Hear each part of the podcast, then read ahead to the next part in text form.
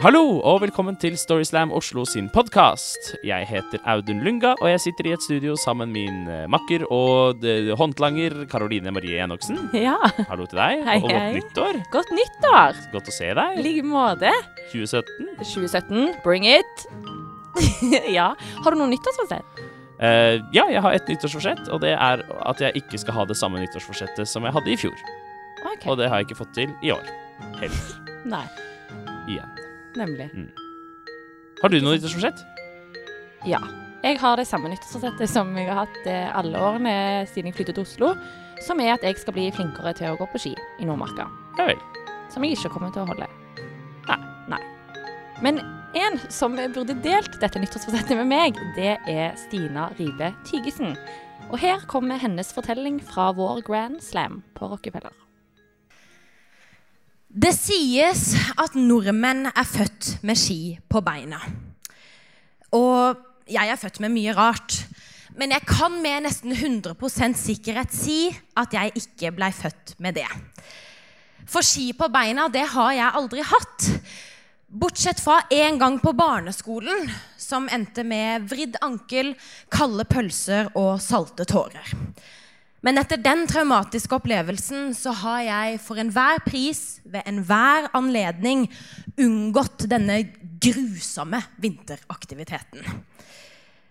Men da jeg begynte å studere i Oslo for noen år tilbake, så var en i klassen min så elskverdig å invitere alle sammen med på en aldri så liten weekendtur til paradis for alle de som elsker kalde utendørslige aktiviteter, nemlig Geilo.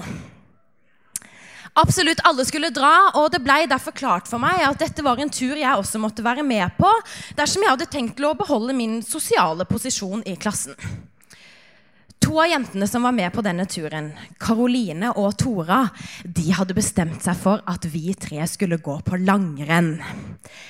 Jeg hadde selvfølgelig ikke noe langrennsski, så jeg sa at de måtte jo bare ta seg en tur, og så kunne jeg bli igjen på hotellet og slappe av. Men det var visst ikke noe problem, fordi Tora, som kom fra en ekte norsk friluftsfamilie, hadde tusen par med langrennsski og ville derfor ta med seg noen som jeg kunne låne. Jeg forsøkte å forklare jentene at mine ferdigheter på ski var ikke bra. Men de var levende overbevist om at dette kom til å gå så fint, fordi alle kan jo gå på ski, ikke sant? Og til slutt så begynte jeg å tro på dette selv og tenkte at eh, hvor vanskelig kunne det være egentlig? Dagen etter vi var kommet fram til Geilo, så sto vi opp til det ekspertene kalte for et perfekt føre. Snødekt landskap og strålende sol. Men jeg, som dere sikkert allerede har skjønt, hadde heller ikke noe særlig med, skitøy, så jeg hadde røska med meg noen greier jeg fant hjemmefra. Det var ganske kaldt på Geilo, så jeg fant ut av at jeg ville kle godt på meg. Så innerst hadde jeg ull, deretter flis og så bomull, og på toppen av det hele en gigantisk tykk boblebukse, i tillegg til en enda større turkis boblejakke som jeg snurpa godt i igjen. Jeg så ut som en smurf på anabole steroider. Så ikke nok med at jeg aldri hadde gått på ski før, bortsett fra den ene gangen på barneskolen. da. Nå så jeg jo også ut som en som aldri hadde gått på ski før, bortsett fra den ene gangen på barneskolen. da. Allerede i den første lille bakken på vei ned mot vannet som vi skulle gå rundt, så falt jeg. Tora og Karoline var langt foran meg, og jeg ropte etter dem noe sånt som at eh, Oi, whoopsi! Eh, jeg, skal bare fikse noe eh, te teknisk med skien. Så bare sette meg ned. Ja, bare gå, dere. Ja, ja. Hei, hei. Den ene skia mi som fortsatt satt fast i skoen, hadde på en måte sklidd inn under meg og så satt seg fast i snøffonna bak. Men i tillegg til det så satt jeg jo på den. Så for i det hele tatt få denne skia ut, så måtte jeg løfte ræva mi så høyt jeg bare kunne og skyte foten ut med voldsom kraft. Alt dette imens to skistaver dingla fra hvert sitt håndledd, og den andre skia mi sto rett til værs. Og jeg kjente hvordan et gammelt, men velkjent raseri begynner å boble inni meg. Og akkurat idet jeg hadde tenkt å gi opp og kansellere hele turen, så løsna den skia. Tora og Karoline hadde selvfølgelig på dette tidspunktet skjønt at mine ferdigheter på ski var litt verre enn det jeg kanskje, hadde gitt uttrykk for. Men de var greie og ga meg et lynkurs i grunnleggende langrennsteknikk før vi bevegde oss videre. Og på et tidspunkt her så tør jeg faktisk påstå at det gikk ganske bra. Jeg begynte å få teknikken inn og en slags sånn naturlig flyt i bevegelsene. Jeg vil faktisk gå så langt som å si at jeg syns det var litt artig. Men etter en stund så gikk det ikke så bra lenger. For det kjentes ut som om skia tok meg mer bakover enn forover. For Tora og Karoline de rykka stadig lenger ifra. Men det var da den store gruppa med indiske turister som vi hadde passert litt tidligere i løypa, nå plutselig tok meg igjen, at min selvtillit sank rett til bånns. Jentene de stoppa selvfølgelig opp og venta på meg i ny og ne. Det var jo ikke det, men hver gang jeg nådde dem, så fortsatte de å gå. sånn at jeg fikk jo aldri noen pause. Jeg kjente hvordan jeg begynte å bli sliten, og svetten rant under det sikkert 72 plagga med klær jeg hadde tatt på meg.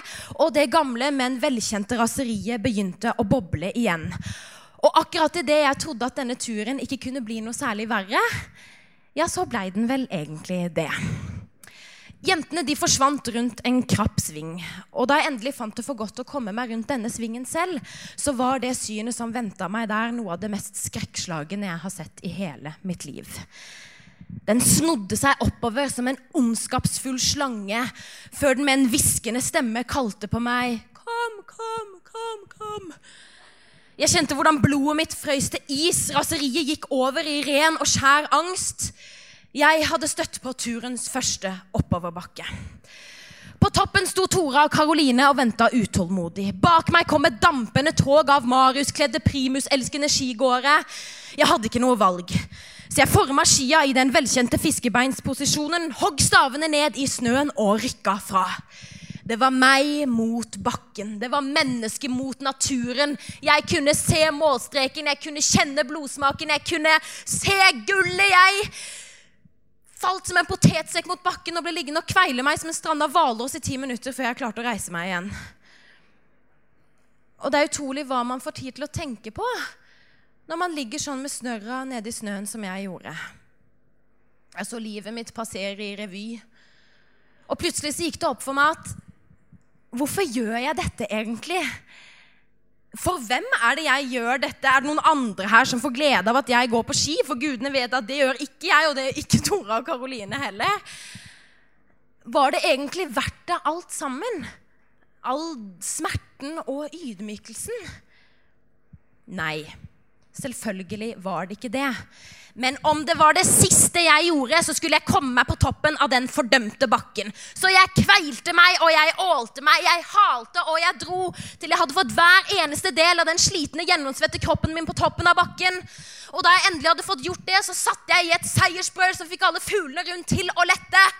Men etter det så måtte vi forte oss hjem fordi Tore hadde fått frostskader og Karoline var sulten. Men jeg vil bare avslutte denne fortellingen med et lite word of advice til alle dere der ute som gruer dere like mye til årets skisesong som meg. Bli for Guds skyld hjemme. Takk. Takk til Stina Ribe Tygesen. Denne episoden av Storyslam Oslo sin podkast handler om noe så viktig som identitet. Ja om å være seg sjøl 110 mm. Ja. Enten man vil eller ikke. Ja. Så eh, fra en historie som handler om eh, Stina sin identitet som nordmann, til Borghild Otelie Aasebø Støl sin historie om hennes identitet som nordlending. Jeg kommer fra Ulsvåg, som dere sikkert hører. Ulsvåg ligger i Hamarøy, Hamarøy ligger i Nordland, og Nordland ligger i Nord-Norge. Og jeg er så glad i Nord-Norge at jeg har fått masteroppgaven min til å handle om det. I den anledning har jeg nylig googla hva kjennetegn en nordlending. Jeg får opp tre treff. Første er på kvinneforum.no. Jeg går inn. Jeg ser på ei liste som starta med 'brautende'. Check. Kverulant. Jeg vet ikke om jeg er helt enig, men OK. Check. Og det siste punktet Det siste punktet jeg har på flaska Og jeg må helt ærlig innrømme at det er et punkt som er litt vanskelig for meg. For jeg har virkelig prøvd. Men det er en sånn uheldig ting at hver gang jeg prøver å slå meg virkelig løs på flaska, så går det ut over min stakkars kjære pappa. Og pappaen min, han er nordlending. Han har skjegg, han har sydd vest, han har oransje regnfrakk, sånn som dere har sett på himmelblå. Han har støvler opp til hit. Min pappa er nordlending. Og han har fått et litt sånn puslete og stakkarslig avkom som meg, som er bare sånn Nordlending. ja, for å ta et eksempel, da. Første gang jeg skulle på fylla, da var jeg 16 år. Og jeg ser at det er noen av dere som tenker at det er litt seint til å komme fra bygda i Nord-Norge, og det var det. Jeg var helt klart sist ute. Men jeg var 16 år, jeg hadde fått 12 pæresider, og jeg skulle på fest. Og her hører vi kanskje problemet. Pæresider. Skulle tro jeg var ei jente på 16. Men jeg hadde jugd godt hjemme. Jeg hadde fått med meg pappa sin nye, dyre jaktsovepose. Den typen som han Lars Monsen har med seg på vidda i 30 minus. Og jeg hadde fortalt at jeg skulle på overnattingsbesøk, og festen, den var klar. Og det gikk flott. Jeg trykka i meg tolv pæresider, Jeg så det sto etter. Jeg var som Speedy Gonzales på sukker og pære hele kvelden. Og når, når festen endelig var over, så rulla jeg ut soveposen. Jeg makka meg nedi og sovna. Utpå natta våkna jeg. Jeg fikk en sånn, en sånn følelse som noen av dere kanskje er ganske godt kjent med, når, når spyttet begynner å samle seg i munnen. Og, og, halsen begynner å stramme seg noe kraftig. Og presset fra magen er helt Det eksploderte. Pære og sukker. Ned over magen min og beina mine ut i pappas dyre sovepose. Ja, andre gangen jeg fant ut at jeg skulle ofre levra for å bli en fullkommen nordlending, da var jeg 18 år, så jeg hadde blitt gammel nok, for å si det sånn. Og jeg hadde fått tak i ei flaske whisky. Dere vet ikke at det er stor anledning, men det er fire timer til nærmeste pol én vei. Så jeg og whiskyflaska mi, vi skulle på skogstur. Vi var et blidt gjeng med ungdommer som satt under en regntung presenning klokka halv ni og nippa litt whisky.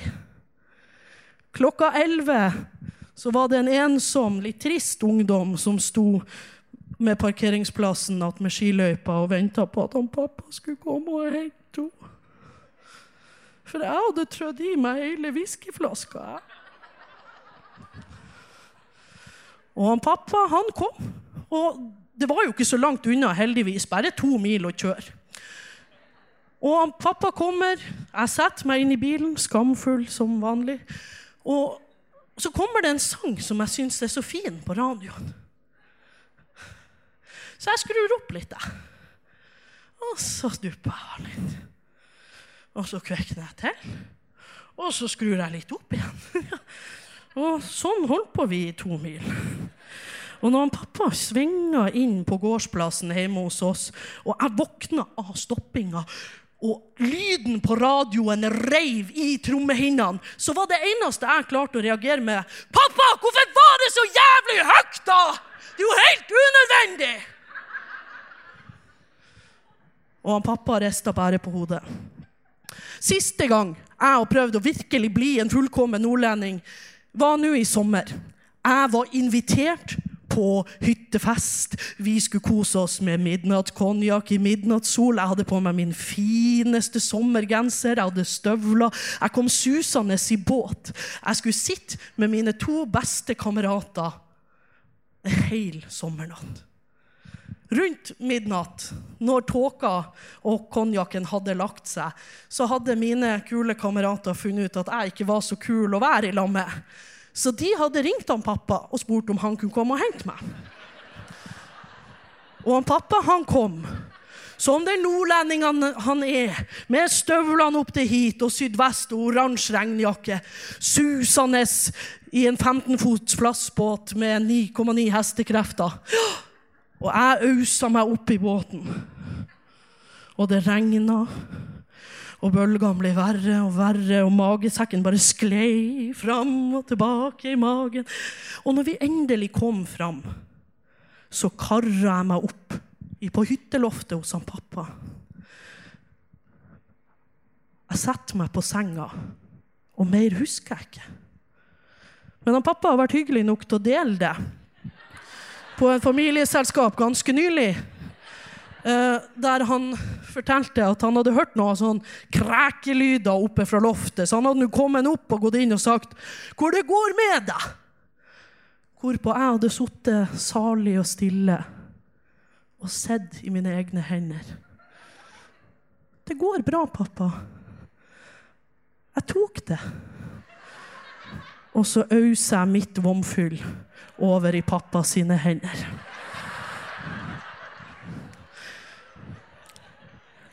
Jeg føler ofte at min nordnorske identitet står over et vanskelig valg.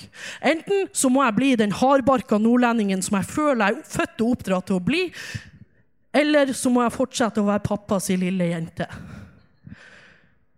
Hva slags vei dette valget går, det vet jeg ikke. Men han pappa er ikke her i kveld, så jeg tror det går bra.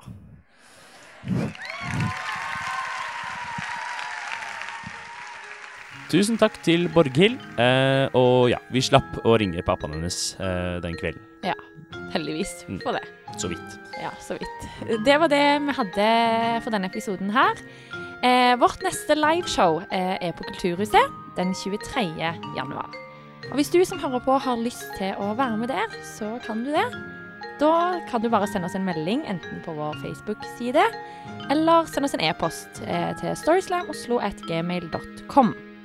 I mellomtiden kan du også følge oss på Facebook og på Instagram. Og siden det er et nytt år, så kanskje vi lager en Twitter-konto etter hvert. Ja. Hvem vet? Det kan skje. Og kanskje det kommer den nye store sosiale media-greia fra i 2017 kommer kanskje snart. Og Ja. vi slenger oss på der også. Vi er der, liksom. Ja.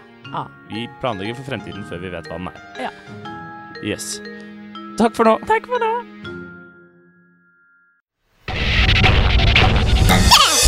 Monster.